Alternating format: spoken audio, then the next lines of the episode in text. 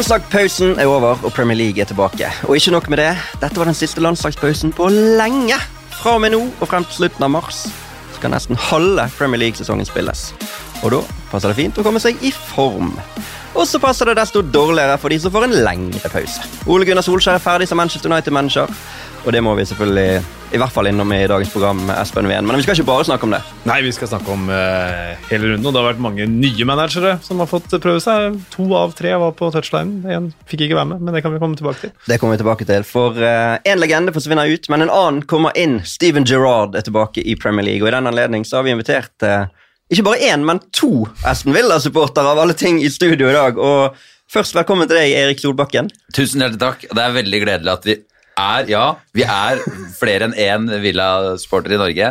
Vi er minst to, og det er mange av oss. Det er det. Det er ikke Hallgeir Kvadsheim, utrolig nok, som har vært her før. Mm -hmm. Men eh, hvem andre er det egentlig som heier på Aston Villa? Det er ikke Tom Hanks, han fikk vi ikke tak i. Vi prøvde det.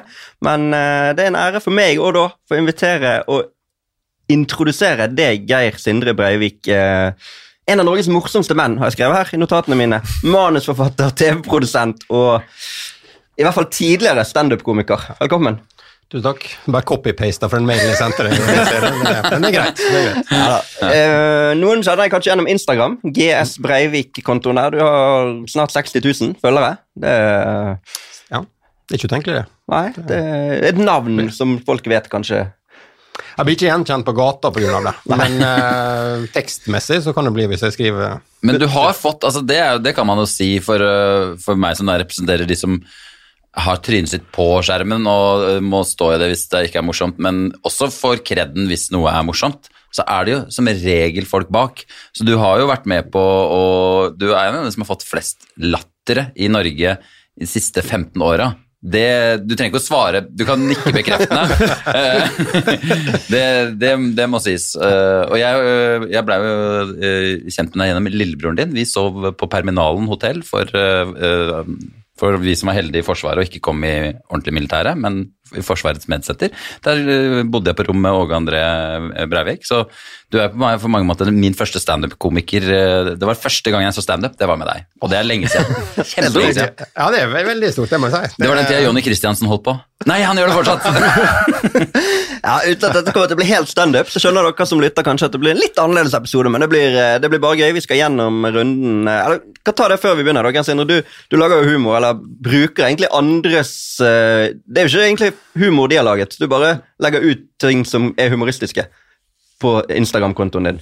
Ja, ufrivillig morsomme ting. På, ja. Påpeker det ufrivillig morsomme. Og Av og til er det jo fotball eller idrett. og sånn. Hvordan er responsen fra folk da? Er det liksom, for det er jo ganske vanskelig å lage humor på fotball, f.eks. Ja, altså Det er lett å lage humor på andre sine favorittlag. Veldig vanskelig å liksom svelge på sitt eget. Mm. Det det, så det, det alltid, men sånn er det alltid. da. Folk Hvis du tøyser med Rosenborg, så blir trønderne kjempesure. Mm. Uh, tøyser du med Molde, så slutter folk å følge med. Eller skal slutte å følge. Unfollow. ja. så, så, det er veldig sånn uh, sårt, akkurat det. da. Men um, ja, det blir, det blir, ikke så mye sportshumor, da, men um, det blir litt. Det blir litt. Vi uh, kommer nok innom litt humor underveis her i dag, og det er lett når det er så mange morsomme folk i et studio. Vi, med, vi tar det kronologisk, så begynner vi på lørdag, tidligkamp på lørdag. Leicester mot uh, Chelsea, Espen. Uh, Chelsea bare dundrer på videre. De, selv om de fikk jo en liten nedtur mot Burnley, men nå var det på en måte en litt sånn bare mulighet til å sette skapet på plass igjen, og det, det gjorde de. Begynte sånn morsomt kronologisk fra bånn til topp, da. Som ja. begynner, begynner, her nå, ja. så går vi, går vi rundt. Nei da. men, men, ja, nei, de, uh, så, de er veldig solide. Og samtidig så er ikke Leicester helt der uh, jeg i hvert fall forventa at de skulle være. Mm. De, uh, det er litt rart, Vi kommer sikkert tilbake til Manchester United, men det, liksom det 4-2-resultatet der har blitt stående som taktisk genistrek også, men det har jo vist seg at det er flere som kan slå skåre fire mål på Manchester United, og mer. Mm. Eh, men, men, Chelsea er jo, er jo bunnsolide og spilt uten spiss nå i eh, fire måneder Nei, ikke fire uker, nei, fire uker, ikke ja. fire måneder. Eh, og egentlig et par år før det òg, men mm. de finner andre måter å skåre på. Ngolo Kanté stiger frem fra ingensteds, mm. og han har nå skåret dobbelt så mange mål som Chelsea-spiller på King Power Stadium, som han gjorde som Leicester-spiller. Nei, stakkars. to, to, to, der og én der. Men, eh, men, Chelsea er jo blitt eh, altså det er jo, Siden Abramovic kom inn, så har de og City og Manchester United vunnet like mange ligatitler. Vinner de igjen, så er de liksom mest suksessfulle i den perioden. Hvordan er det som supporter av et annet lag? Si 2002, da. 2003. Chelsea Villa.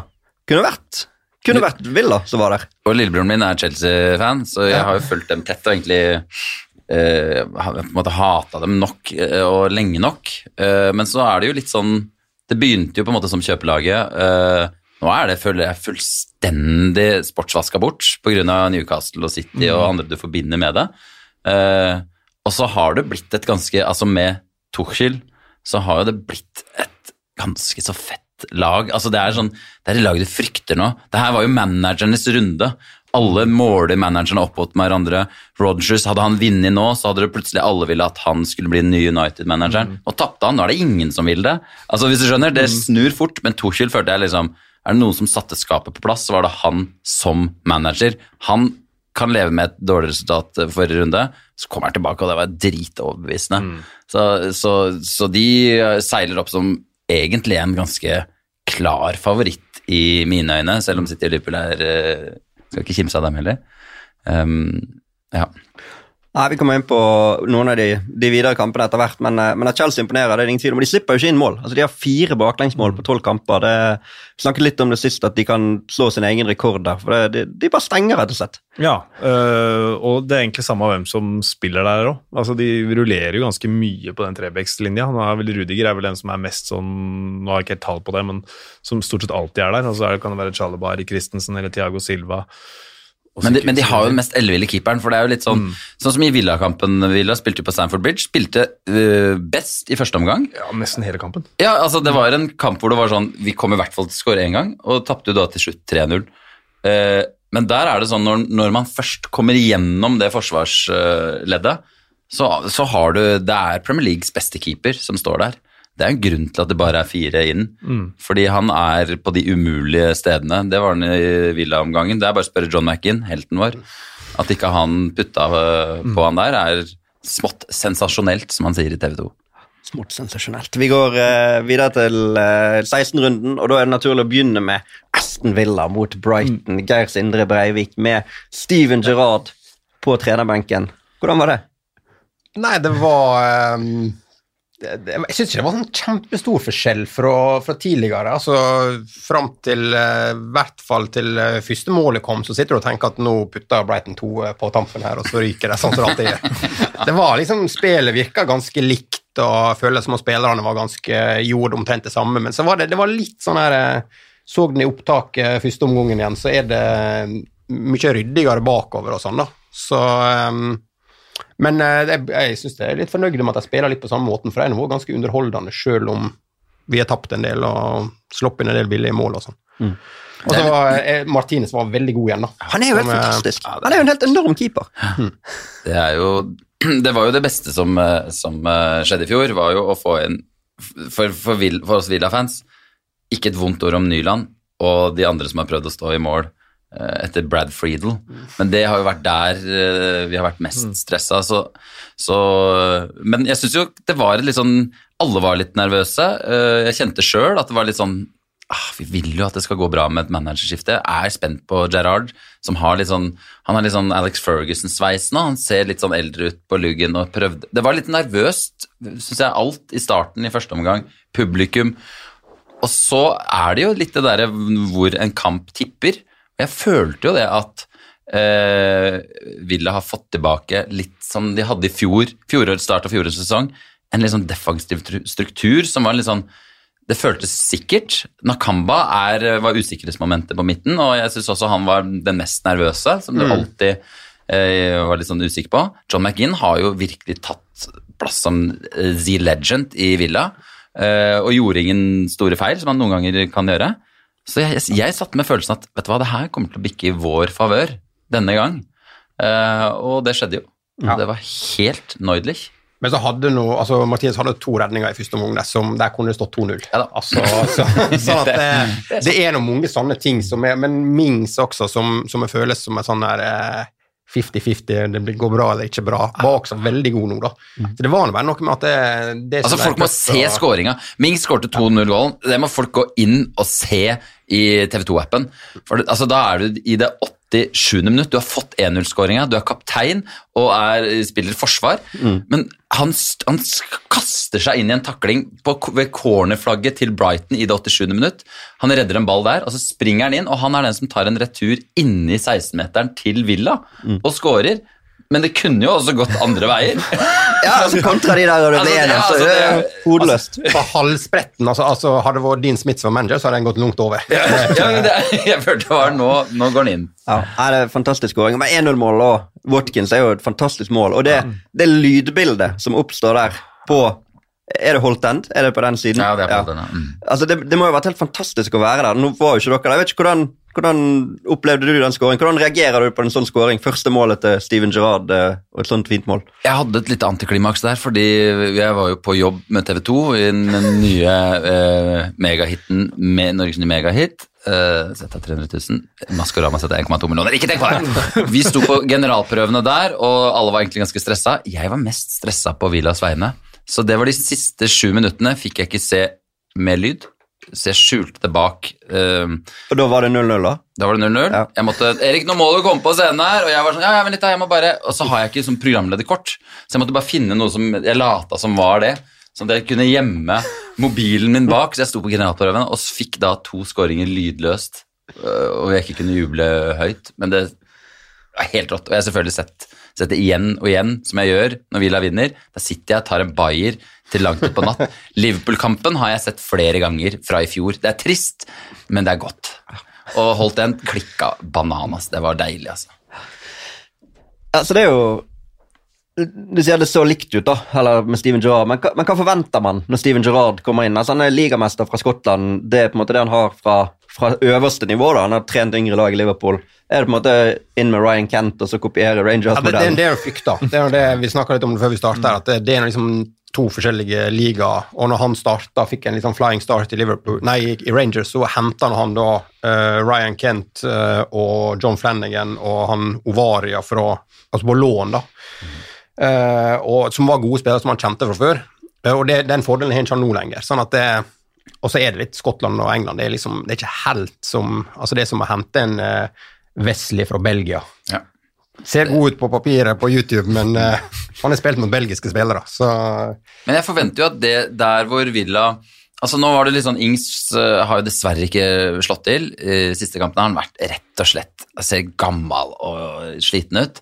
Men vi har heldigvis Ollie Watkins. Og så har vi de raske kantene og uh, offensivt. Når Buendia finner seg litt i rette Han er jo så stressa, stakkar. Han surrer jo på som bare det. Men når det får satt seg litt, så er det egentlig det midtbaneleddet der hvor eh, McGinn har sikker plass, men David Louis, Nakamba eh, Der hvor Gerrard var god, har man forventninger om at han av alle bør ha forståelse hvordan eh, man forankrer en midtbane i Premier League. Og når Villa får til det, så har vi en Matty Cash, nå polsk, eh, kommet rett inn på det polske landslaget. Fantastisk. Ja, ja. Ja, ja, men eh, hva hadde du gjort hvis du hadde hatt Trent, altså Ja, ja. Trippier, Ja, ja, ja, absolutt. Da- hva som helst. polsk på flekken. Vi har eh, en av verdens beste keepere. Vi har et forsvars... Eh, altså, vi har et litt sånn eh, forsvar som på en måte kan bare bli tryggere med en tryggere midtbane. Så jeg, det er det jeg forventer, at han finner ut av hvordan Villa skal fremstå på midtbanen. Og så er det fint hvis han liksom du har en, du har en ganske bra spillerstall der med som du sa, veldig gode tekniske vinger som Smith har spilt veldig på. Sånn at det, det du frykter kanskje, er at han plutselig skal gjøre noe helt annet. Altså Plutselig forsvinner de ut. Ikke, kan, ikke det at det, verken Elegasi eller uh, uh, Trezeguet har vært sånn supergode i det siste, men, men at uh, det systemet som har spilt, det funka så bra og var så underholdende, sånn, så du vil liksom helst fortsette med det. da. Ja, det er absolutt. Og det, jeg, jeg tipper en av de tingene som kommer til å skje Jeg, jeg digger det at altså Villa har jo den mest spennende benken sett med britiske øyne. og øh, altså, Villa har ti talenter på, som står og skraper på døra. Eh, så jeg tenker jo sånn Danny Ings, han lever, det er han som lever farligst nå, fordi Ollie Watkins tar den rollen utmerket alene. Og så kan de fylle på med Shukwamekar og øh, hele Archer. Og øh, jeg tror jo også litt at det kan bli gøy da, med Steven Gerrard. Ja, og så det var det fint at han beholdt noen av det på benk, for det var det som også skjedde sist vi var inne i en god periode med Martin O'Neill. Så forsvant han ut, og så forsvant alle talenter som banka på døra ut, for det kom eh, en manager i året som skulle sette sitt preg på, og kjøpte inn en Darren Bent eller en eller annen altså, som, som eh, med kanonlønn. da. Men uh, klarer å beholde dem når det er så mange gode som er altså Ramsay-brødrene, og det, det er mange som er gode der, da. Eh, Jeg så forresten at uh, Louise er blitt sammen med ei på damelaget til Aston Villa. Så du det? Tenk at det kan skje romanser i Birmingham. Du vet, du vet at det, det verste ryktet i Birmingham David Ginola spilte jo for Villa sånn litt på tampen av karrieren. Han nekta å flytte inn i Han ville ikke ha, han syntes byen var så stygg, så han ville ikke ha eget hus. Men han ville ha den fineste suiten i Birmingham, fordi han lå med så mange damer. At han ville liksom Det var deilig at noen bare Kan ikke du bare rydde opp senga mi hver dag? Det er det som eh, Og det kommer fra Stilian Petrov. Jeg hørte det sjøl, så dette her tror jeg på. Det var direkte fra Stilian Petrov. Da må vi tro på det. Det er veldig sånn Norway Cup-aktig, føler jeg. Bare er sammen med meg på damelaget. Og, Ja, eh, det er sant. Ja, det er veldig, veldig fint. Det er koselig. Det er veldig bra. Eh, jeg måtte bare sjekke det Gerard. Jeg følte han alltid var så god mot Villa når han spilte for Liverpool. Jeg følte liksom at han alltid var god der, og det viste seg å være rett. Han har aldri han har skåret flest mål mot Villa av alle lag han har møtt i karrieren. 13 mål og kun tapt 5 av 27 kamper. Så det er kjekt å ha han på plass. Det blir bra. Uh, nå lot jeg bare de snakke litt om Villa, Ja. Espen. Og så kan vi hoppe videre til neste runde, eller neste kamp i 16-runden. Burnley Crystal Palace. Før kampen tenkte du dette blir rundens kamp. Nei, det, det, det gjorde jeg ikke. Men, eh, men så Burnley har noe Jeg kan ikke si de har noe på gang, eller det, det er jo, de er Burnley, men de har jo fått Maxwell Cornet da, nå, som er på en måte Vi har jo vært inne på det på den til tidenes understatement fra Tarkovskij, som sa at han har noe vi ikke har fra før. Ja, det er helt riktig.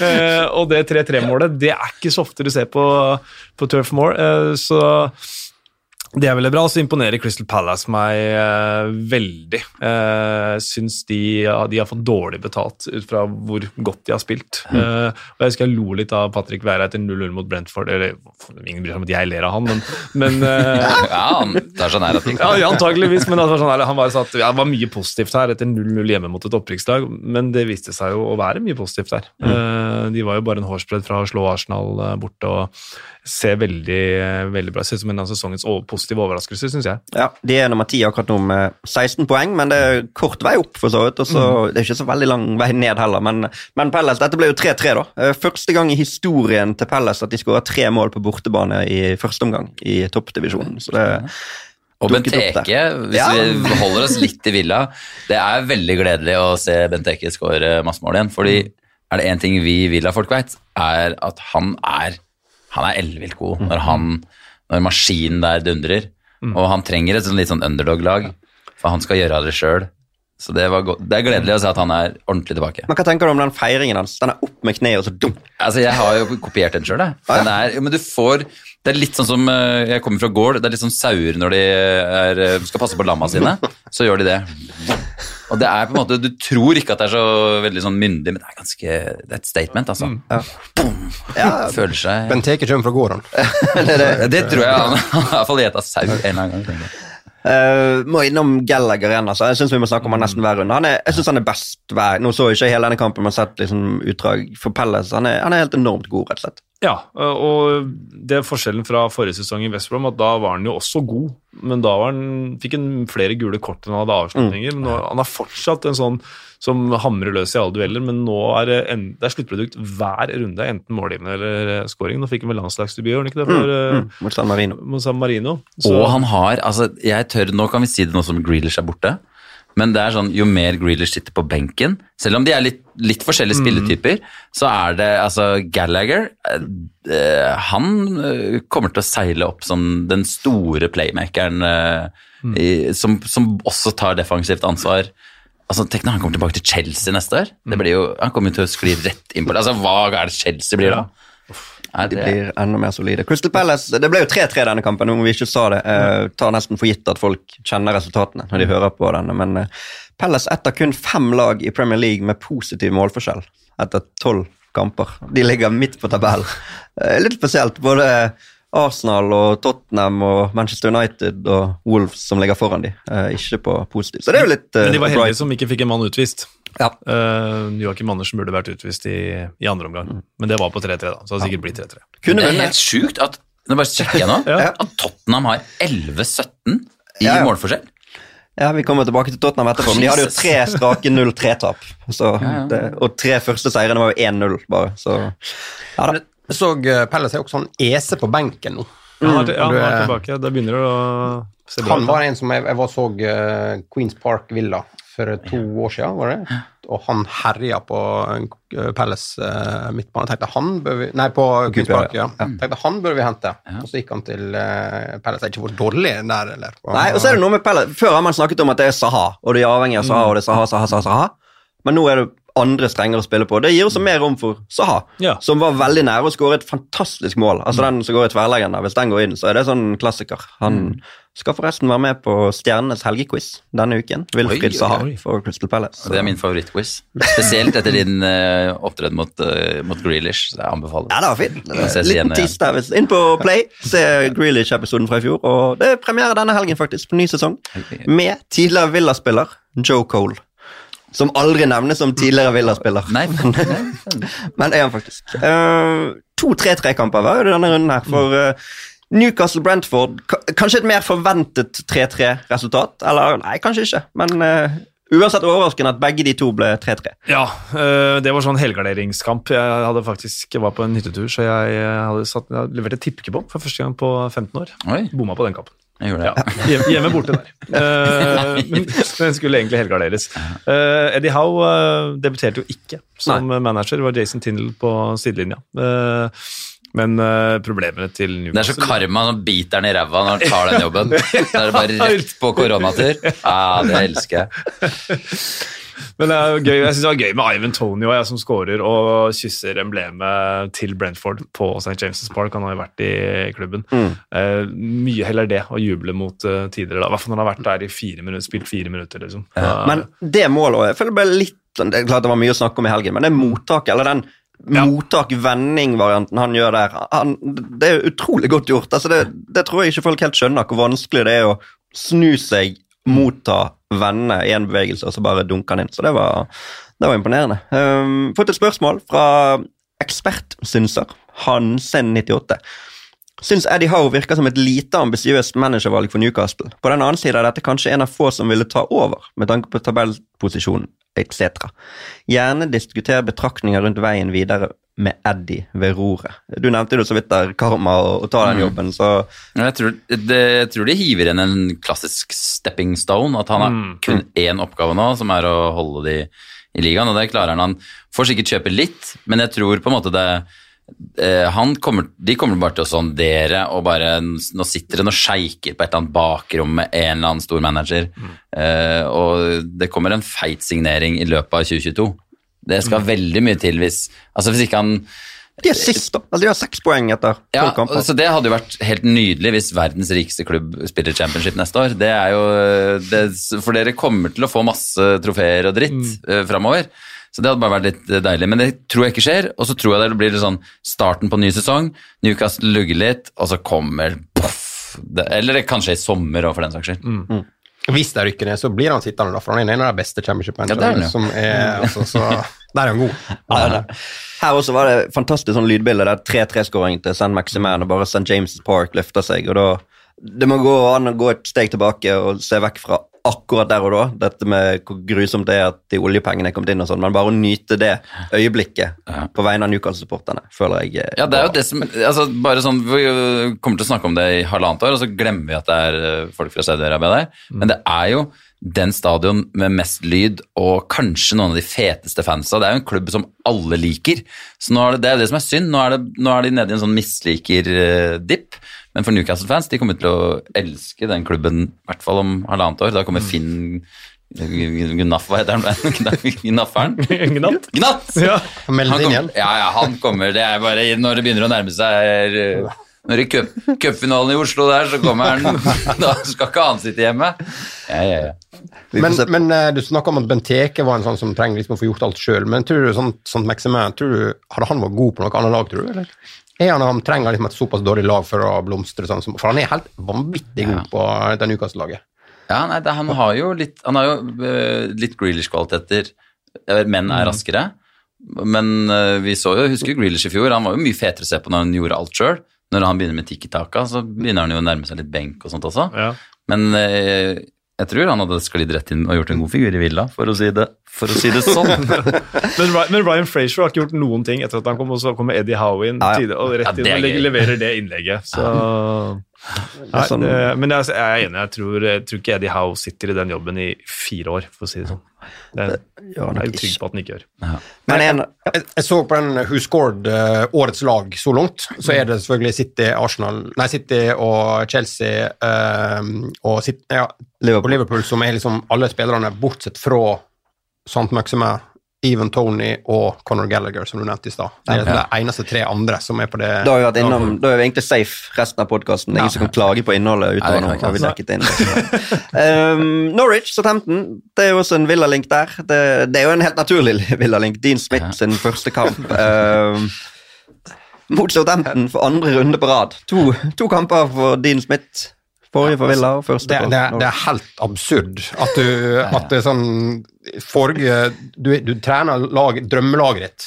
Vær som noen fortalt den historien med din Smith eh, før når faren og alt dette greiene. Ikke sant? Ja. Han er, var med på stadion fra han var liten, faren tok noe med, nå har han blitt manager, faren er dement, veit ikke at eh, sønnen har vært manager for Villa, Eh, og så, og så hadde du liksom sjansen forrige helg til å berge den jobben din, og så klar- roter du til mot Southampton med et lag som kanskje skal liksom være med og forhåpentligvis å kjempe liksom topp seks-sju, da.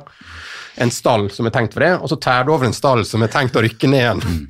Og slær deg med det, det- med det laget. Det, Som du ikke har hatt mer enn tre dager på trening.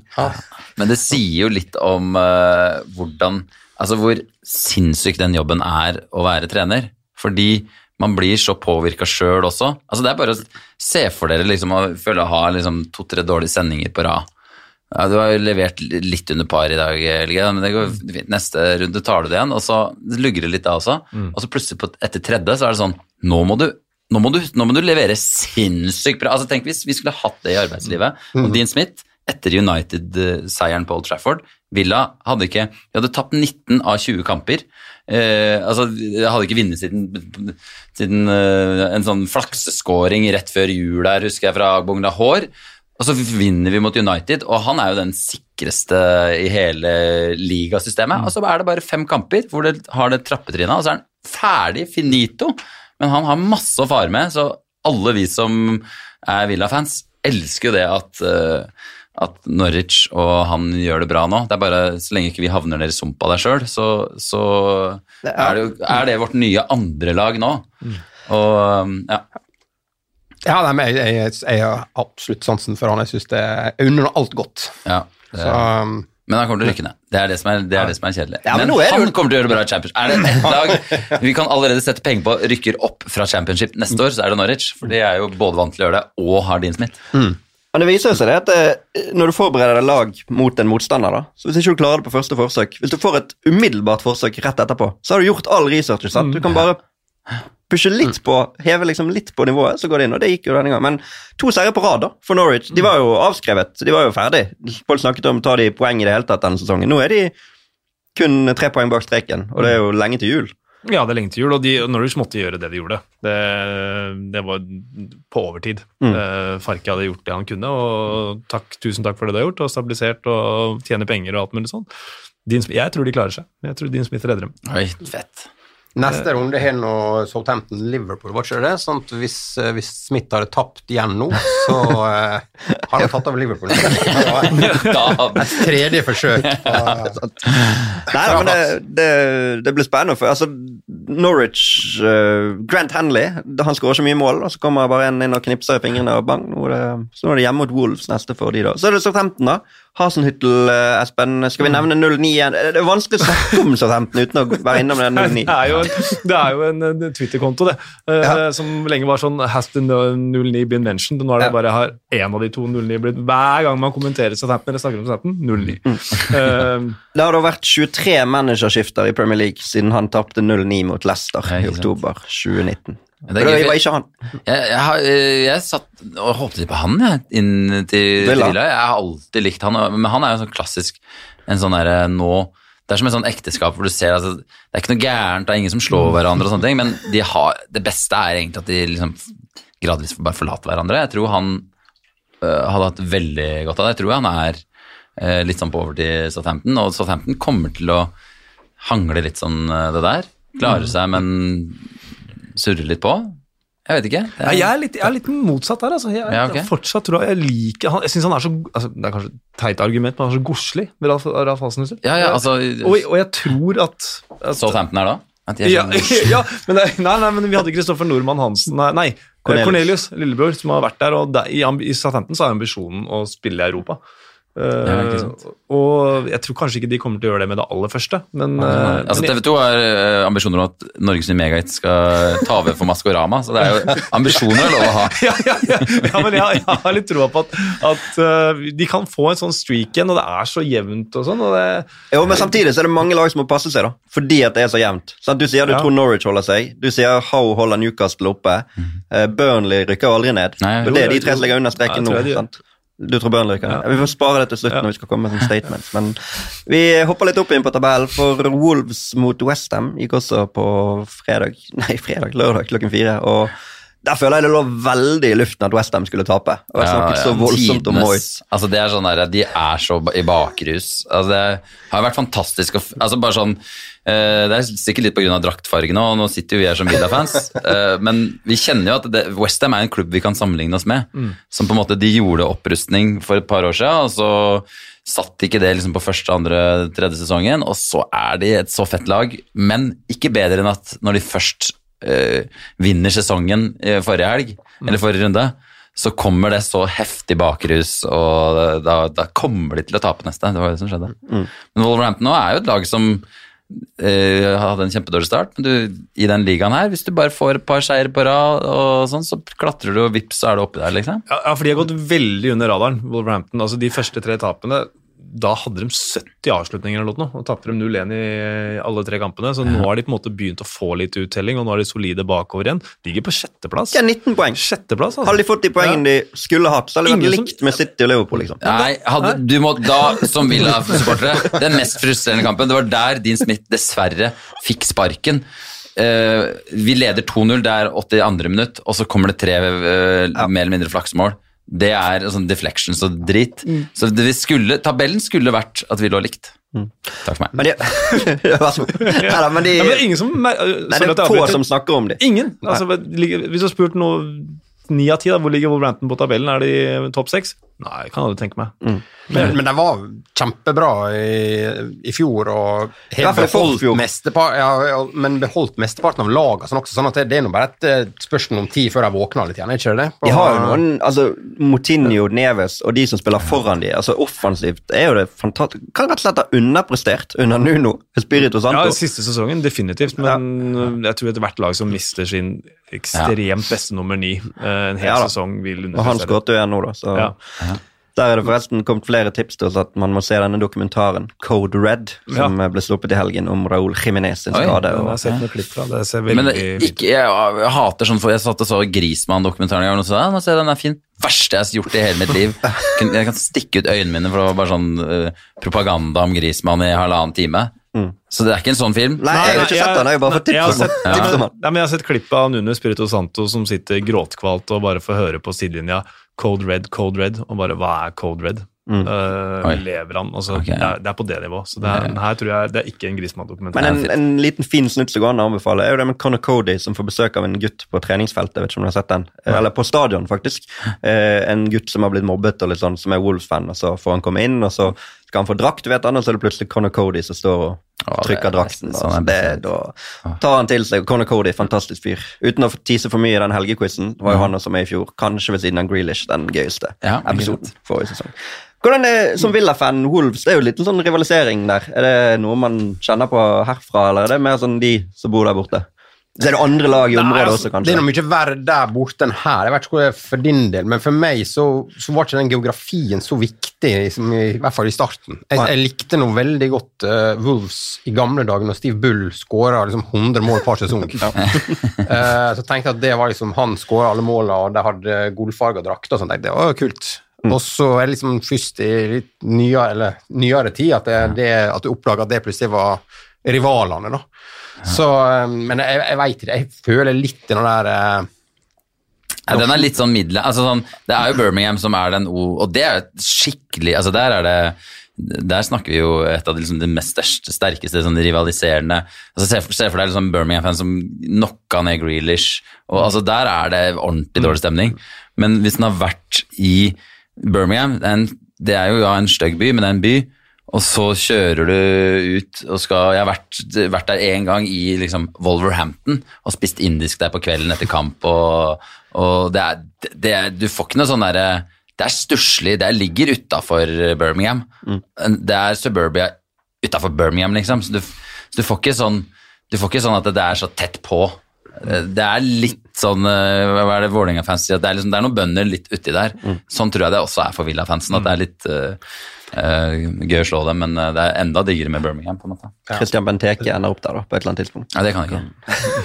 Jeg vet så skal Birmingham. hvis det skal- Eh, Den mest omtalte kampen åpenbart, både i kamp og i ettermæle på lørdag klokken fire, var jo Watford mot Manchester United. Vi, eh, vi kan begynne bare ta kjapt under selve kampen, Espen. Altså, Watford-Manchester United 4-1 i tre setninger. Hvorfor? Hvorfor ble det sånn? Stygt gjort å sette deg til veggs på den, kanskje, men tre ord. Uh, Tre setninger. Tre, nei, det kan ta tre ord, da. med bindestrek, mellomrom, komma. Nei da. Eh, Sarr, Ja. King, uh, hodeløst Ja. bortelaget. For dette ble jo da Ole Gunnar Solskjærs siste kamp. Uh, kunne jo Jo da, de, de slipper to på slutten og 2-1 kontra 4-1, det ser styggere ut, men de kunne jo sluppet inn flere allerede i første omgang. Jeg vet ikke om dere fikk sett denne kampen, du var jo gjerne på generalprøver og alt, men Mm. De Gea redda jo to straffer, selv om det er i praksis én straffe. Han reddet jo aldri straffer, men, men det, det kunne vært styggere allerede før pause, da. Ja, og jeg det Ok, de to siste kommer på overtid, men det er de to siste som gjør at nå er det slutt. Ja. Fordi 2-1 og 4-1, det er enorm forskjell. Uh, jeg er ikke sikker på om han har fått sparken på EM2, da. Men når du får, når det blir så ille Mm. så, Eller han har sikkert fått fyken allikevel, men det verste jeg synes det verste sånn fra Uniteds perspektiv der er det Harry Maguire driver med i andre gangen når han blir utvist. For da er Manchester United på vei inn igjen i kampen. Donny van de Beek kommer inn, er Skårer! Skårer er eh, Uniteds beste i uh, spiller by far. Uh, og så får Stakkars fyr. Så får han ødelagt Nå nå tenkte han at nå går det greit. Så får han ødelagt det av en kaptein som fremstår som alt annet enn kaptein. Veldig sånn symbolsk. Da. Det er jo det som er gøy med Eller det som er, som, det som er det beste med fotball, er at du uh, ofte får sånne uh, fantastiske sånne dramaturgier hele tida. Sånn, Folk prøver, prøver å lage film, og TV også, for så vidt. Så Får terningkast to, og det funker ikke sånn. Men men, men altså, den kampen her hadde liksom scenene som skulle til for at vi skjønner at nå ryker Solskjær. Og vi må ikke glemme at det var en landslagspause hvor han, eh, han har fått fripass, og det er høyst sannsynlig i et par kamper. Så, men det øyeblikket hvor Maguire Og jeg må innrømme at jeg øh, hoppa litt inn i den kampen bare for at man kjente på alvoret at nå ryker Solskjær, og så kommer 2-1, og det er van de Beek, og så er det sånn Han, av alle, hva sier det her? Er det liksom et skifte på gang? Han kommer inn og scorer. Uh, han tør ikke å juble, for han har ikke gjort det i United, uh, tror jeg, så ofte, for å si det mildt. Men så kommer det øyeblikket hvor det er så hodeløst, og det er så, det er så utrolig beskrivende for hvordan, hvor sårbart og skjørt det er. Og du ser Solskjær bare Han skjønner at nå, Ja. nå skjer det, liksom. Og Maguire tusler av. Og det, er, uh, og det skal Ole Gunnar Solskjær ha. Han har fankeren meg stått rakrygga og prøvd å smile, ta på seg et smil og prøver å være verdig. Og det syns jeg han klarer, til og med der hvor Maguire klipper av han som, uh, som manager, Uh, tusler av banen, 10 mot 11, det kan ikke gå veien, og så går det ikke veien. Nei, det var helt rått og fælt, hvis det er Solskjær, da. Rått og fælt på en gang. Det, Det er liksom en katastrofe som er Det, det er midtforsvaret til eh, Altså, å ha liksom så Nå så jeg en sak at han har hatt sånn veldig tiltro til trenerapparatet og fått tilbud om å bytte ut noen der kanskje og forbedre litt, men ville ikke det. Og det Altså, jeg bare sjekka igjen, da. Nå, nå er ikke den Who Scored-sida kanskje verdens mest, eh, altså det mest presise, men hvis du søker på midtstoppere som har spilt over ti kamper i Premier League i år, så er Harry Maguire den dårligste ratingen der, i snitt, av 36, tror jeg. Hvis du legger på spillere som har spilt eh, sju kamper eller mer, så er det en ny som er dårligst, og det er Victor Lindeløf.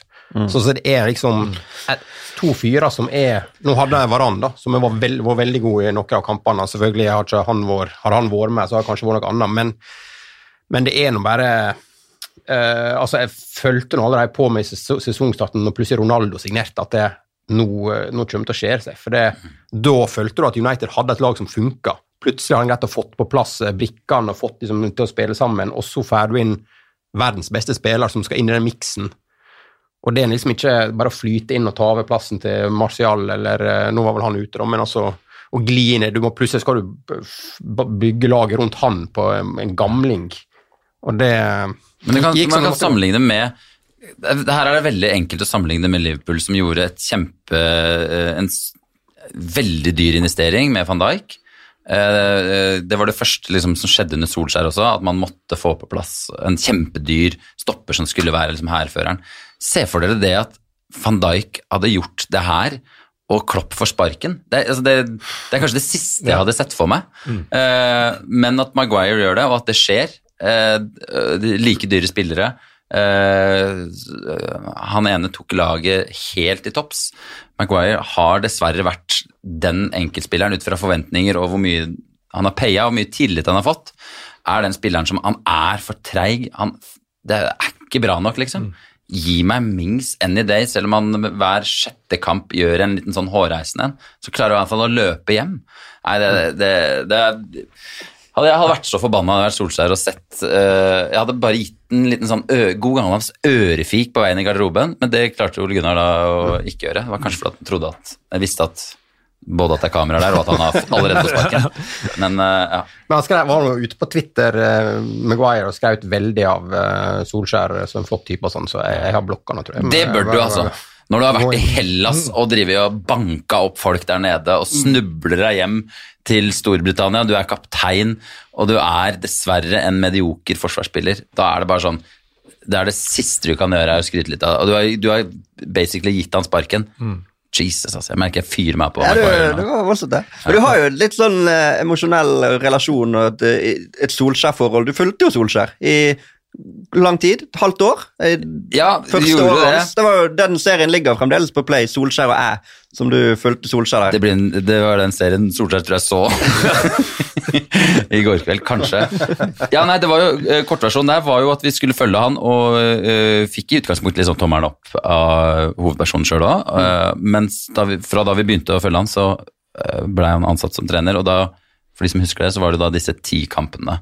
Eller det gikk jo skikkelig dårlig, så det var jo skikkelig dårlig stemning. Så det var jo en serie som førte oss litt til Afrika og andre plasser, bare for å slippe å være tett på. For det, var, det er ganske vondt å være tett på en fotballklubb når ting lugger. Og det gjør det ofte etter en, noen runder.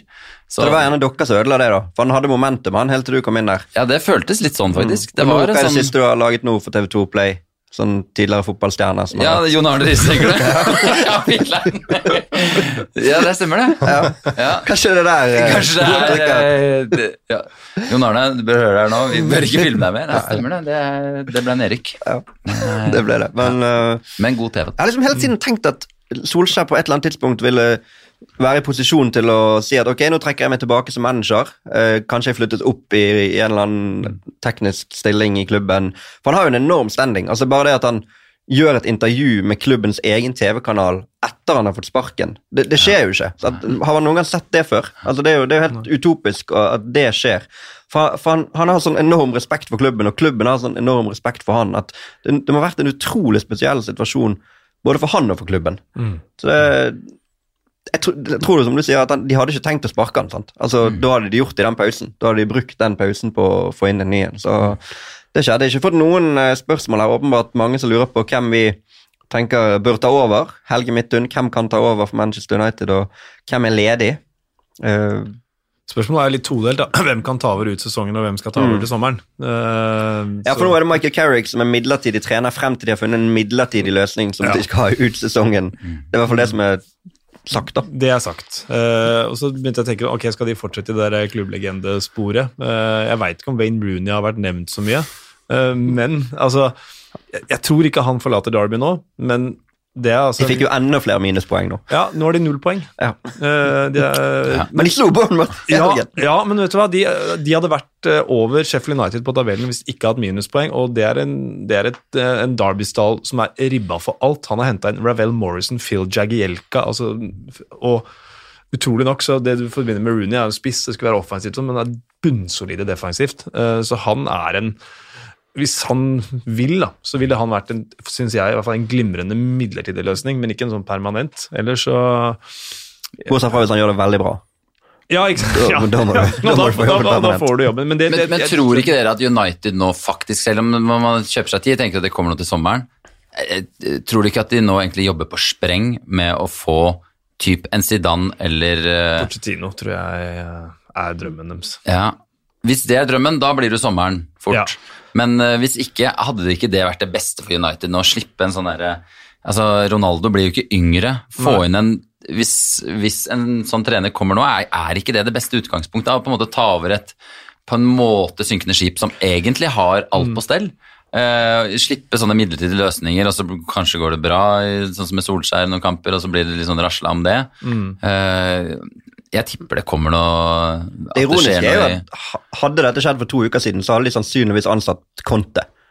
For da hadde ikke han tatt Tottenham. Men hadde de gjort det? Jeg synes han virker så ustabil. eh, Ja, han sa at de ikke hadde det, men ja. i den situasjonen de er i nå Nei, Jeg tror ikke det. Nei, kanskje ikke. Nei, jeg tror ikke det. Han er litt for, litt for lik eh, Mourinho Ja. i en, en sånn der, er i en så dumme å ja. I en sånn splittende, splittende type. Så et, et, et veldig far off eh, shout for resten av sesongen, Steve Bruce.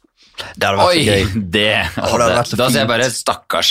Jo, men det hadde vært så fint. Jo, det er Ja, det synes det hadde vært ja, Det hadde gått tre helger, så hadde dere blitt irritert på Steve Bruce. Han har, det er noe han har Jeg skal ikke si han har dratt i trynet, men han har et eller annet sånn derre det, er noe- det er så defensivt at du får lyst til å legge Nei, nei, men du skal, deg glemme, du skal ikke glemme det at Han sa jo ganske tidlig i sin Newcastle-karriere at han hadde ikke spillemateriell til å spille den offensive fotballen han ville. Hallo! Jo, det er Det, det hadde han i, i andreplasser, uten å Ja, gjøre det Men, stemmer. Han har jo eh, vært i Aston Milan, han, ja. Altså, han, er Eneste litt som, han han, er litt sånn som Høgmo som satte uh, Når vi skulle vinne i Ungarn, så var det ikke noe spisser og Markus Henriksen på topp. Sånn var Steve Bruce uh, når vi skulle rykke opp til Premier League. Så hadde han tidenes mest defensive opp, uh, lagoppstilling, selv om det var score, det var det vi kunne. Så han, jeg kommer aldri til å tilgi ham for det. Vi Rykka ikke opp da. Men hvem var det som skårte mot Ungarn? Markus Henriksen. Så ettermælet til Høgmo for det er altfor slemt. Men kan jeg hive inn et navn som er helt ellevilt, som jeg vet ikke om jeg hiver inn i United-flokken? Signer Bielsa, da. Altså, hadde ikke det Se for deg til sommeren, bare sånn Bare noe nytt, fordi det, det er en sånn derre Etter Ferguson og bla, bla, bla, det er vanskelig for meritterte trenere som på en måte har kanskje et Champions League Zidane, for eksempel, har jo vunnet Champions League en to-tre ganger, er det ikke det? han har gjort? tre ganger på rad. Ja, ikke sant. Og, men han ble jo pælma ut derfra òg, og den sitter og surmuler litt på pressekonferanser og sånn. Kom, altså, hvis en sånn Bjelsa-type som kan være sånn derre Bare gjør det du vil, du er en legende, vi krysser fingra, lukker inn øya, ser åssen det her går. Vil du hive inn et navn før vi går videre? Jeg, tenker at det, det som er, du ikke må gjøre, må få inn en sånn her uh, Rooney altså, Nå er det masse sånne skilsmisser som er altså At Solskjær får sparken, liksom klubben sin, er noe Ja. veldig tungt. Sammen med Dean Smith i, i Villa og, sånn, og Frank Lampard i, i Chelsea. Så det bare å unngå liksom, For du vet på et eller annet, det er ingen manager som sitter Altså, du kan jo sparke oppover i systemet, som du sier, da, men, uh, men uh, unngå det. Men eh, jeg, jeg tipper at jeg vil gå for en uh, nok mer, Han syns nok at det er kulere å trene Leeds enn United. Ja, ja. Men Eh, sånn eh, Ajax-treneren, eksempel, Ja. ser jeg for meg at det, det er en som er høyt på den blokka. da. Og Edvin, Sande, Edvin, Edvin van de Saar, som har sagt at, at han kun vil gjøre det her i Ajax eller Manchester United. Kan bare, kan bare presisere at Steve Bruce, da mener jeg ut sesongen, altså. At det, han ikke jobben permanent. Men, Kanskje han holder ut sesongen.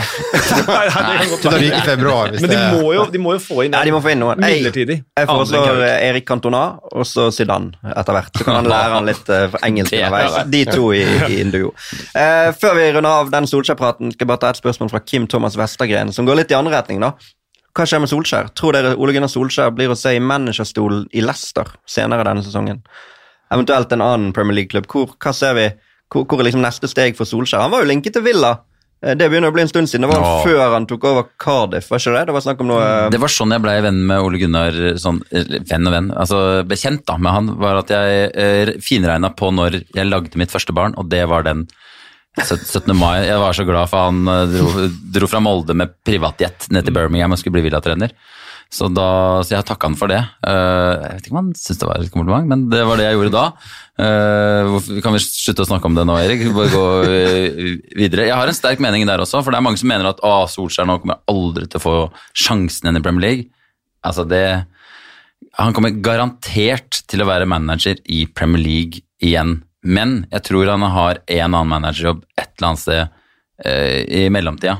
For jeg tror det er litt sånn så, så sterke følelser har vært i sving, og nå når han liksom gråter litt på pressekonferanse, og det er liksom Du får Alle liker han så godt, men så er de på en måte veldig sånn Da glemmer man også hva han har fått til sånn fotballfaglig. Og det går litt sånn, man får litt sånn, Han er kanskje litt svak, på en måte.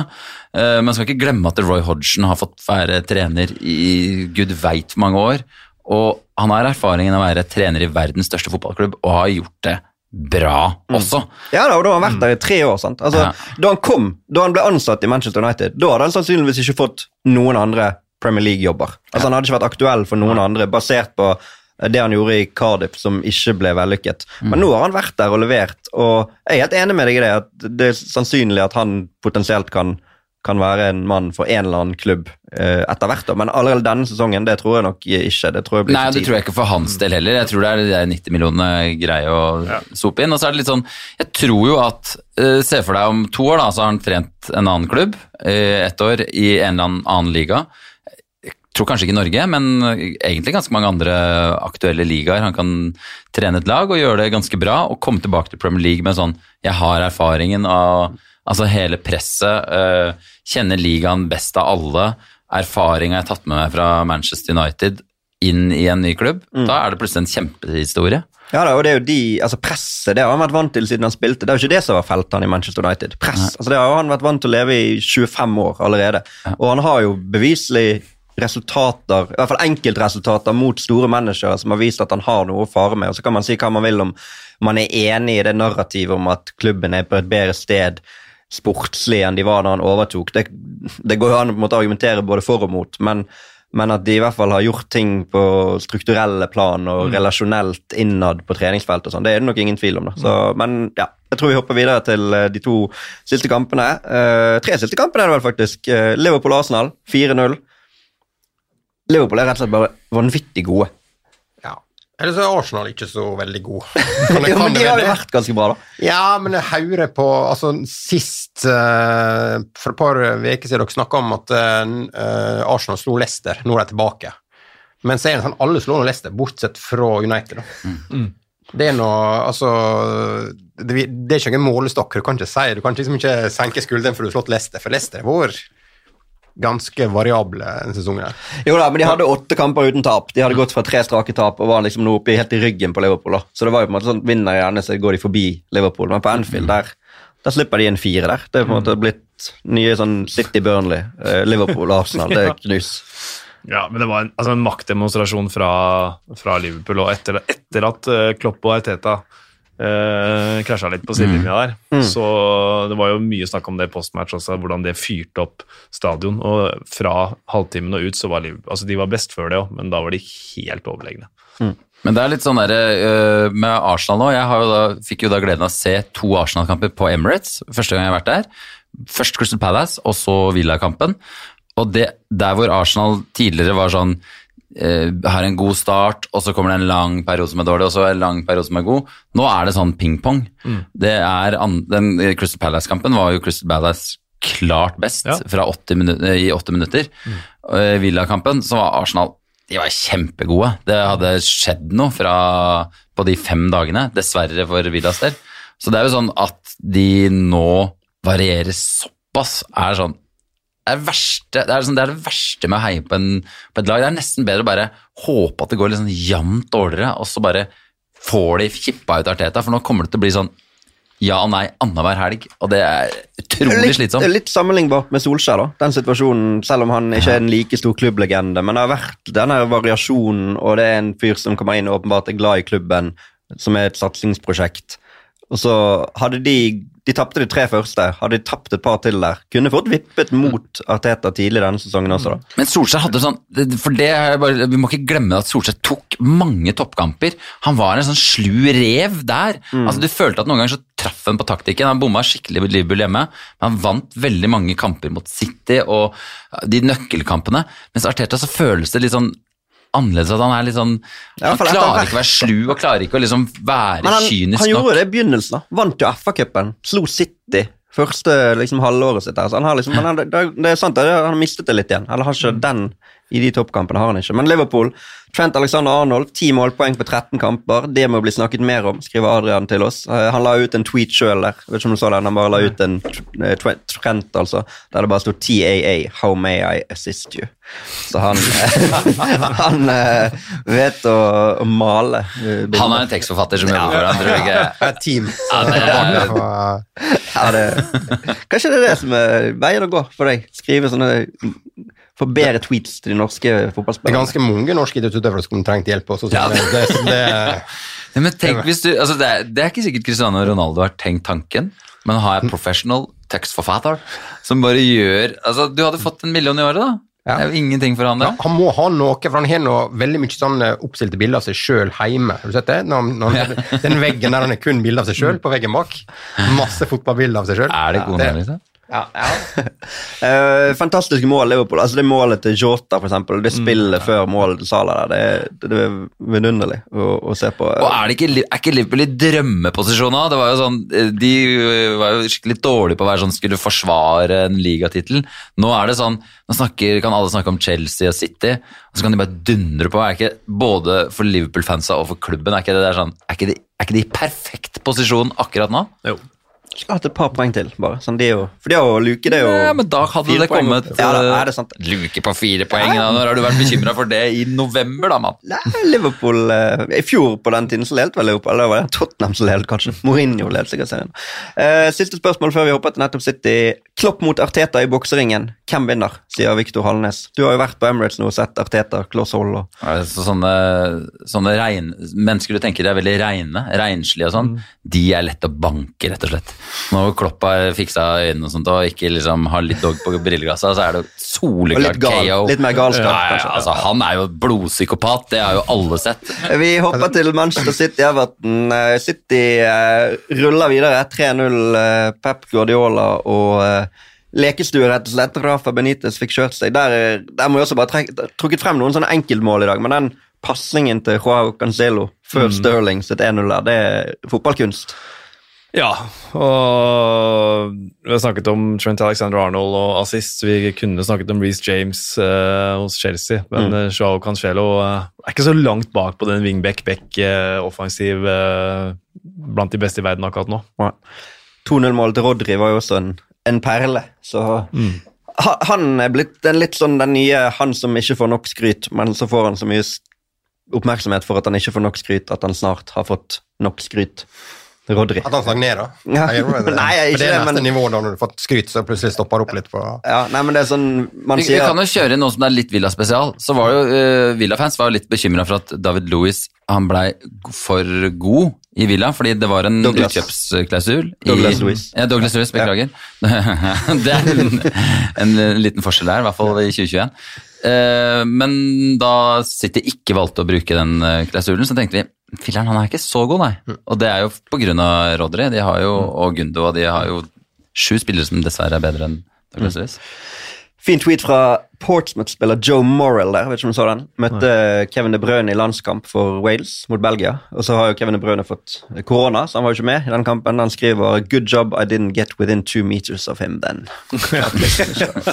Player, skrev han bare. Så det, det er jo artig. Uh, Everton, da. Uh, vi, hadde, ja, vi har jo tidligere jobbet sammen Geir Sindre, i Golden Goal. Vi hadde Johan Golden her på besøk tidligere i sesongen. Skrøt av Everton. Nå var de tilbake. Hadde han også på besøk i fjor, i begynnelsen av sesongen. Han skrøt av Everton.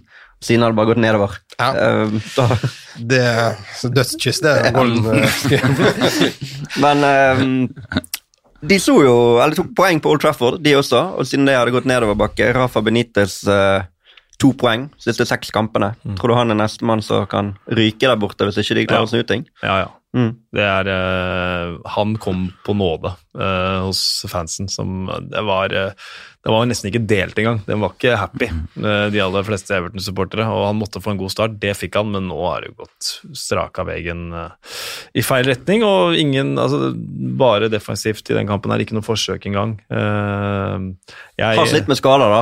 Det skal ja, sies. det skal Men det er det mange som selvfølgelig gjør, da. Det er det mange som gjør, ja. Mm. Uh, og du kommer ikke unna skader, og det er klart det er sentrale spillere med Calbert Lewin og Docoré og sånn, men uh, nei, det, han kan fort være nestemann som ryker da. Um, Tottenham har jo allerede byttet manager. Det var siste kampen denne runden. Tottenham Leeds 2-1. Uh, Bielsa var vi inne på. Første omgang fikk Bielsa det som han ville. Conte, Det så ikke ut som et kontelag i det hele tatt, men i andre omgang så, så kom de ut med et eller annet uh, i ræva, rett og slett. Fordi vi var et helt annet lag uh, etter pause. Hva, hva tenker du, Erik, på måten Antonio Conte opptrer på, da?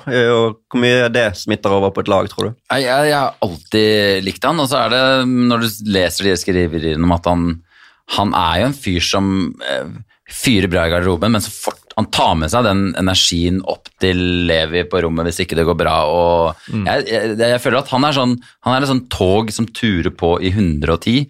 Akkurat det Tottenham trengte nå. Og så blir det spennende å se hvor lenge det, det holder og sånne ting. Men eh, det er jo det som er gøy, at Tottenham har jo en, de har jo en kjempebra stall.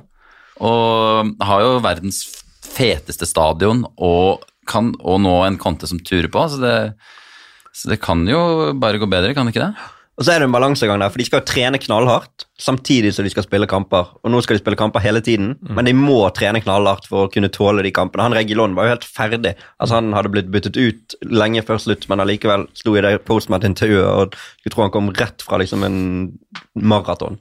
Så det, den, de kommer nok til å variere veldig, da, tipper jeg, Tottenham i, i kampene sine. Men eh, han er jo ikke noen magiker, Conte. Han kan ikke bare knipse i fingrene og, og få spillere som ikke er så gode til å bli vanvittig gode, eller er de gode Nei, nok? nei, er de gode? Er ikke det da? Er ikke det som er Kanskje. vekker deg litt på Men der igjen, da vi snakka om Mings sitt mål i stad, men den, det 2-1-målet der, ja. den returen Altså Det virker nesten som at det er planlagt at han skal, gå- skal gå i stolpen. Han timer så bra det løpet sitt på, Ja. På målet der. Men eh, Jeg vet ikke om det er kontegrep, eller om det Det, det skal godt gjøres hvis du via, via muren og i stolpen. Men uh... Men det er gøy hvor mye han kan snakke ned, for det, er- det er jo sånn Tottenham har jo blitt av en eller annen grunn veldig sånn usexy etter at de leda tabellen etter tre runder.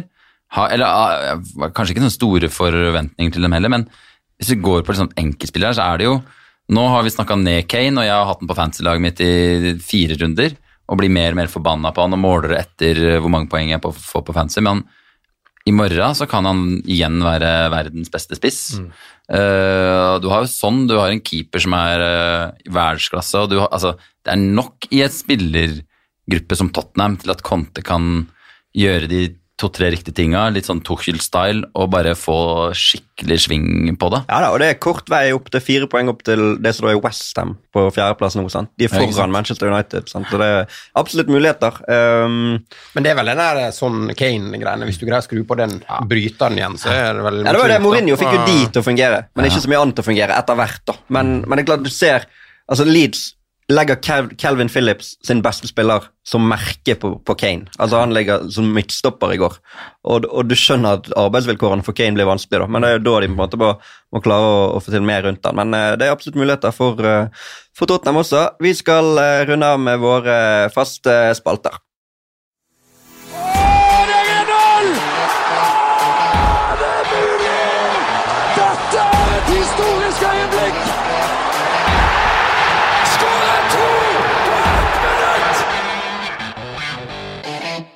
Er det de faste spaltene, Espen, og eh, vi kan begynne med å dele ut rundens blomst. Der har vi fått eh, mange, annet Kjartan Bore og Vegstar mener Solskjær skal få blomst. Etterlater seg et United-lag som har veldig gode muligheter til å vinne trofeer i årene som kommer. Glazes Out skriver blomst til De Rea, eneste grunn til at vi ikke ligger i nedrykksstriden, og som faktisk eh, bryr seg. Har du noe, noen forslag sjøl, eller? Blomst, ja. Uh, jeg er kanskje litt sånn uh, Benteke med to mål Mm. er mer blomst for meg. Hvis jeg skal gå litt uh, ut fra allfarveien, syns jeg det er uh, Det er fint, og så må jeg bare tenke litt mer. Men det er, det er ikke noe spesielt godt forslag, men uh, helt ok. Det er et forslag. Ja. Så kanskje Dean Smith fortjener en eh, blomst. Ja, han har jo, øh, øh, var en av de managerne som hadde høyest tillit i klubben, og så taper han fem kamper og er ute av barndomsklubben sin. Eh, flyr til New York og treffer sønnen sin og blir ansatt i Norwich, har et par dager og få dem opp og stå. Så Han så vel tre filmer på flyet hjem, var ikke det han sa? Det Altså tre? Norwich-kamper på, på flyet tilbake fra USA. Det er det som er deilig med lange flyturer, at du, da får du gjort mye. Det gjorde han. Vinner og er likende skar. Så det, såpass rause kan øh, vi være Villa-fans, kan vi ikke det? Jo, jo da. Jeg, jeg tenker, hvis, Bare for å skille, jeg kunne gjort gjort samme som deg, Erik, men jeg vil si da eh, kanskje Ralf Hasenhyttel, da, som følte litt sånn her eh, dårlig samvittighet for han fikk eh, sparka Smith for forrige runde. At han nå tenker ok, greit, ta, ta poenga, vær så god, velkommen. Gjøran Øksenvåg kommer forresten også med et forslag. Han eh, foreslår Max Killman i Wolves-forsvaret. Eh, Michael Antonio ble hentet hjem i privatfly for 100 000 pund, kun for å bli stoppet av en som kostet mindre enn flyturen. Det er jo litt gøy. Ja, det, er fint. Så, han er jo litt sånn kanskje ukjent Ja, helt litt også, der. Max Killman. Jeg Selv om støtter Dean Smith der på ja, blomst. Smith for ja. blomst. Motsatt eh, av blomst, eller det er vel en form for blomst det òg, kanskje? Kaktus. Eller er det en palme? Er det en plante? Er det en blomst? Som- Kaktus, det er en sukkulent. Det er vel en slags eh, det er en plante. sukkulent. Er ikke en sukkulent? Jeg er ikke en sukkulent. det er så deilig å er høre som er nye ord du aldri har hørt før. Det er det som er bra å jobbe med tekstforfattere. Ja. Smarte folk. Så det er så masse vann i, men der må du også klippe vekk. Hvis det, er feil. Jeg googler etterpå, så hvis det er feil, så Sukkulent, ja. runden sukkulent. Hvem får den? Altså, det, det må nå være eh, Ja. Det er bare én som kan få den. Ja, Kaktusen? ja. ja, Er det- er det Verdens største kaktus. Er det Harry? Ja, det skal så gå til Harry, altså. Sander Ødegårdstuen Ødegaardstuen. Kaktus til Harry Maguire, som velger å være ute. Å ja, for det var han nå ute på byen etter å ha blitt utvist og tapt 4-1. Kunne det kanskje brukt tid til å tenke over hva som gikk galt, i stedet for å ha det gøy ute etter nok en ydmykelse. Jeg skal personlig fly ned til Hellas utafor den der utestedet hvor han gikk bananas, og bare finne en kaktus i nærheten derfra. Sånn lo lokal kort Det blir langreist, da. Kaktus. Er dette en ny Play-serie? Maguire og jeg kjører sånn følger. Den skal pitches. Da går det jo til helvete med han, i hvert fall. Uh, rundens eh, øyeblikk. Uh, vi var jo inne på Maguire der også, men vi må prøve å finne noe annet der, da. Uh, har du noe, Espen? Nei, jeg hadde egentlig det, det, det kombo kaktus-øyeblikk, for det er så definerende, det øyeblikket. Maguire. Eh, Ja, for da er, da er det slutt. Så det er nesten sånn der, Vi har aldri gitt en dobbel før, men det er nesten så stort eh, at det er en dobbel Ja. På øyeblikk. Kristoffer E, eller F, står det kanskje, skriver til oss på Twitter. Øyeblikket på Villa Park. Når legenden over alle legender tar turen tilbake til England. Han har egentlig et bankende hjerte for laget i rødt, men nå står han og synger Sweet Caroline med Villa-fansen. Deilig. og så runder han av med Vi snakker selvfølgelig om Usain Bolt. Ja, det er sant. For det var ikke Ja, så han- ja, det det, var. Usain Bolt som sto der. Og, Han holder opp den drakta for å komme inn på vippen. Det er så Ja. deilig å se. Så lager jeg sånn her eh, klippet sammen alle draktene, og det helt dårlig Dortmund-drakta, husker jeg også. Ikke Godset. godsedrakt, ja. Han spilte jo litt. Trening, trening trente med Godset. Men det, var jo, det er jo lov til å, å si når uh, Ollie Watkins køler den i, i hjørnet, og Gerrard skjønner at han har faktisk fått akkurat den starten som han både trengte, men som, jo, det må jo være kanskje den beste følelsen i verden. Du er usikker i ny jobb, om alle kollegaene dine liker deg, og så får du plutselig sånn fra et sekund til et annet, så blir du liksom Du blir hylla. Du, den positive bølgen der kan ta Villa langt oppover tabellen, håper jeg. Alternativt da 2-0-målet som Ja, det var Mix. Altså. Han er ute Ja, og takler det. Ja. Det er jo Villa spesial, så kanskje de skal få den. Jeg, Ja. jeg hadde tenkt den Altså, to ting fra United-kampen. Maguire åpenbart er enig, men også det etter kampen, Solskjær er borte og liksom opp med hånden til fansen. Ja. Det er et veldig sånn ikonisk bilde som du, du skjønner egentlig, og han skjønner, og alle vet det. De kommer ikke til å rive ned den der eh, 20 Legend på, eh, på Trafford. Kommer til å synge navnet hans høyere neste kamp enn de har gjort uh, til nå. Uh, ukjent helt, vi var innom Killman. Uh, Gøran Øksnevåg har, Øksenvåg har tipset om flere ting. Grant Hanley skårer sitt første PL-mål på ti år og blir matchvinner for Norwich. Um, David Silvas efterfølgere, David Langhus, skriver eh, ukjent parentes lokalhelt Cole Palmer har vært i City siden han var åtte år. Startet sin første Premier League-kamp, 90 meget gode minutter. Det er jo for en sjelden gang en ukjent Manchester City-spiller. Ja. Det er en mulighet. Jeg syns jo den uh, trumfer selv Max Gilman, faktisk. Cole Ja. Palmer. Noen ukjente helter dere vil, ville dratt frem, eller? Vanskelig å dra frem de ukjente, da. Ja, jeg syns Grant Henley også er god, da, for det, han var han så ut som han var ferdig for ti år siden også. Når, eh, altså, når han sist uh, så tenkte at uh, den karrieren var over. Så kom tilbake så lenge etterpå er Ja, det, er, imponerende. det er deilig for, uh, for uh, oss som for nå Eller ikke at jeg er så veldig gammel, men det er jo noen som ikke så tippekampen har noe sånn forhold til at du liksom fikk se én kamp, og så så du de samme britiske trynene. Hardtarbeidende, litt sånn bakfulle. Han er i den litt sånn der gamle kategorien, og det er deilig å se at fortsatt de og kan score mål. Jeg tror ikke du må være liksom et talent på 22 som tikki-taka skal opp og fram. Han kommer ikke noe mer opp og fram. Han er stanger i taket nå, og, og kanskje gjorde han det i helga. Ja, Pika. Pika nå. Da får han den, da. Uh, og så er det siste spalte, da. Espen, du har jo lansert en ny sånn I stedet for fem kjappe, så er det en, en spådom, er det du kaller eller en Ja, eller du tror noe som skjer i løpet av sesongen, Ja. så, sånn at vi kan liksom få sj- sjekka det ut i mai. Ja. Uh, hvor, hvor feil Dette kan man begynte du med forrige program. Eivind Holt fra United.no var her. Hans Han- spådom var At eh, de Solskjær sitter til april. Ja, så var det var det han, han meldte. Du spådde renessanse for Matt Doherty. Ja, ryker den. Han er ikke belaget på laget uh, wingbacken til Tottenham. Nei. Så det lover godt for Brentford, da, som Endre Olav tippet ned i Ja. sin eh, spådom sist. Det gjør Uh, for Tidligere har det vært sånn hvem ryker først av Solskjær og Nuno, Ja. der du og Kasper melder sånn nei, ingen av de kan jo ryke i løpet av sesongen. Ikke sant. sant? Det, det, Ikke sant. det er ikke, men vi, vi kjører spådom, da. Ja. Eller en påstand eller et eller annet. Ja. Så kan du begynne, da. Ja, Sett jeg- standarden. tror eh, Christian Benteke, som nå har fire mål, kommer til å skåre 13 pluss Premier League-mål. Denne sesongen. denne sesongen. Ja. Da noterer, du noterer ned Ja, dette, sant? notere. og ja, har kontroll på de.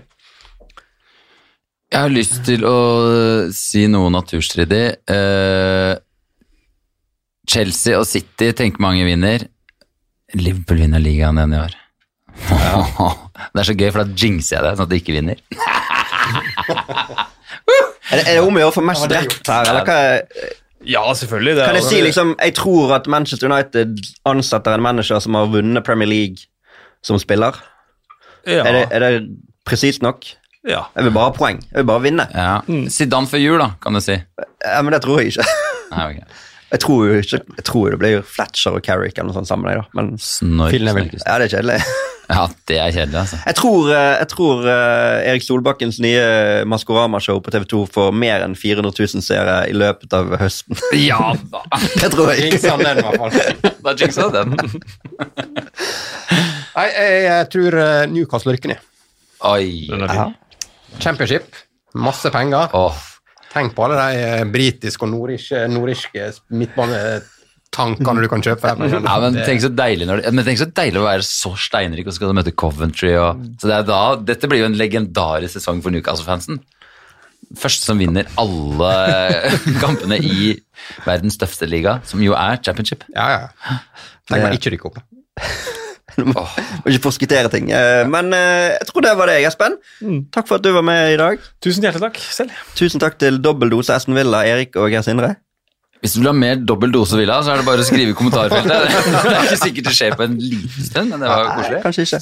Eh, neste mandag er det jo gullballsending, minn om den, fra klokken syv på våre kanaler. Og der kommer det et nydelig livesenter. Kan godt hende det er ute allerede nå. Der du kan gå inn og se alle de eh, kandidatene til gullballen for både menn og kvinner. Så det er bare å glede seg til. Takk til moderne medier som produserer dette for oss, og eh, tusen takk til deg som hørte på. Ha det bra!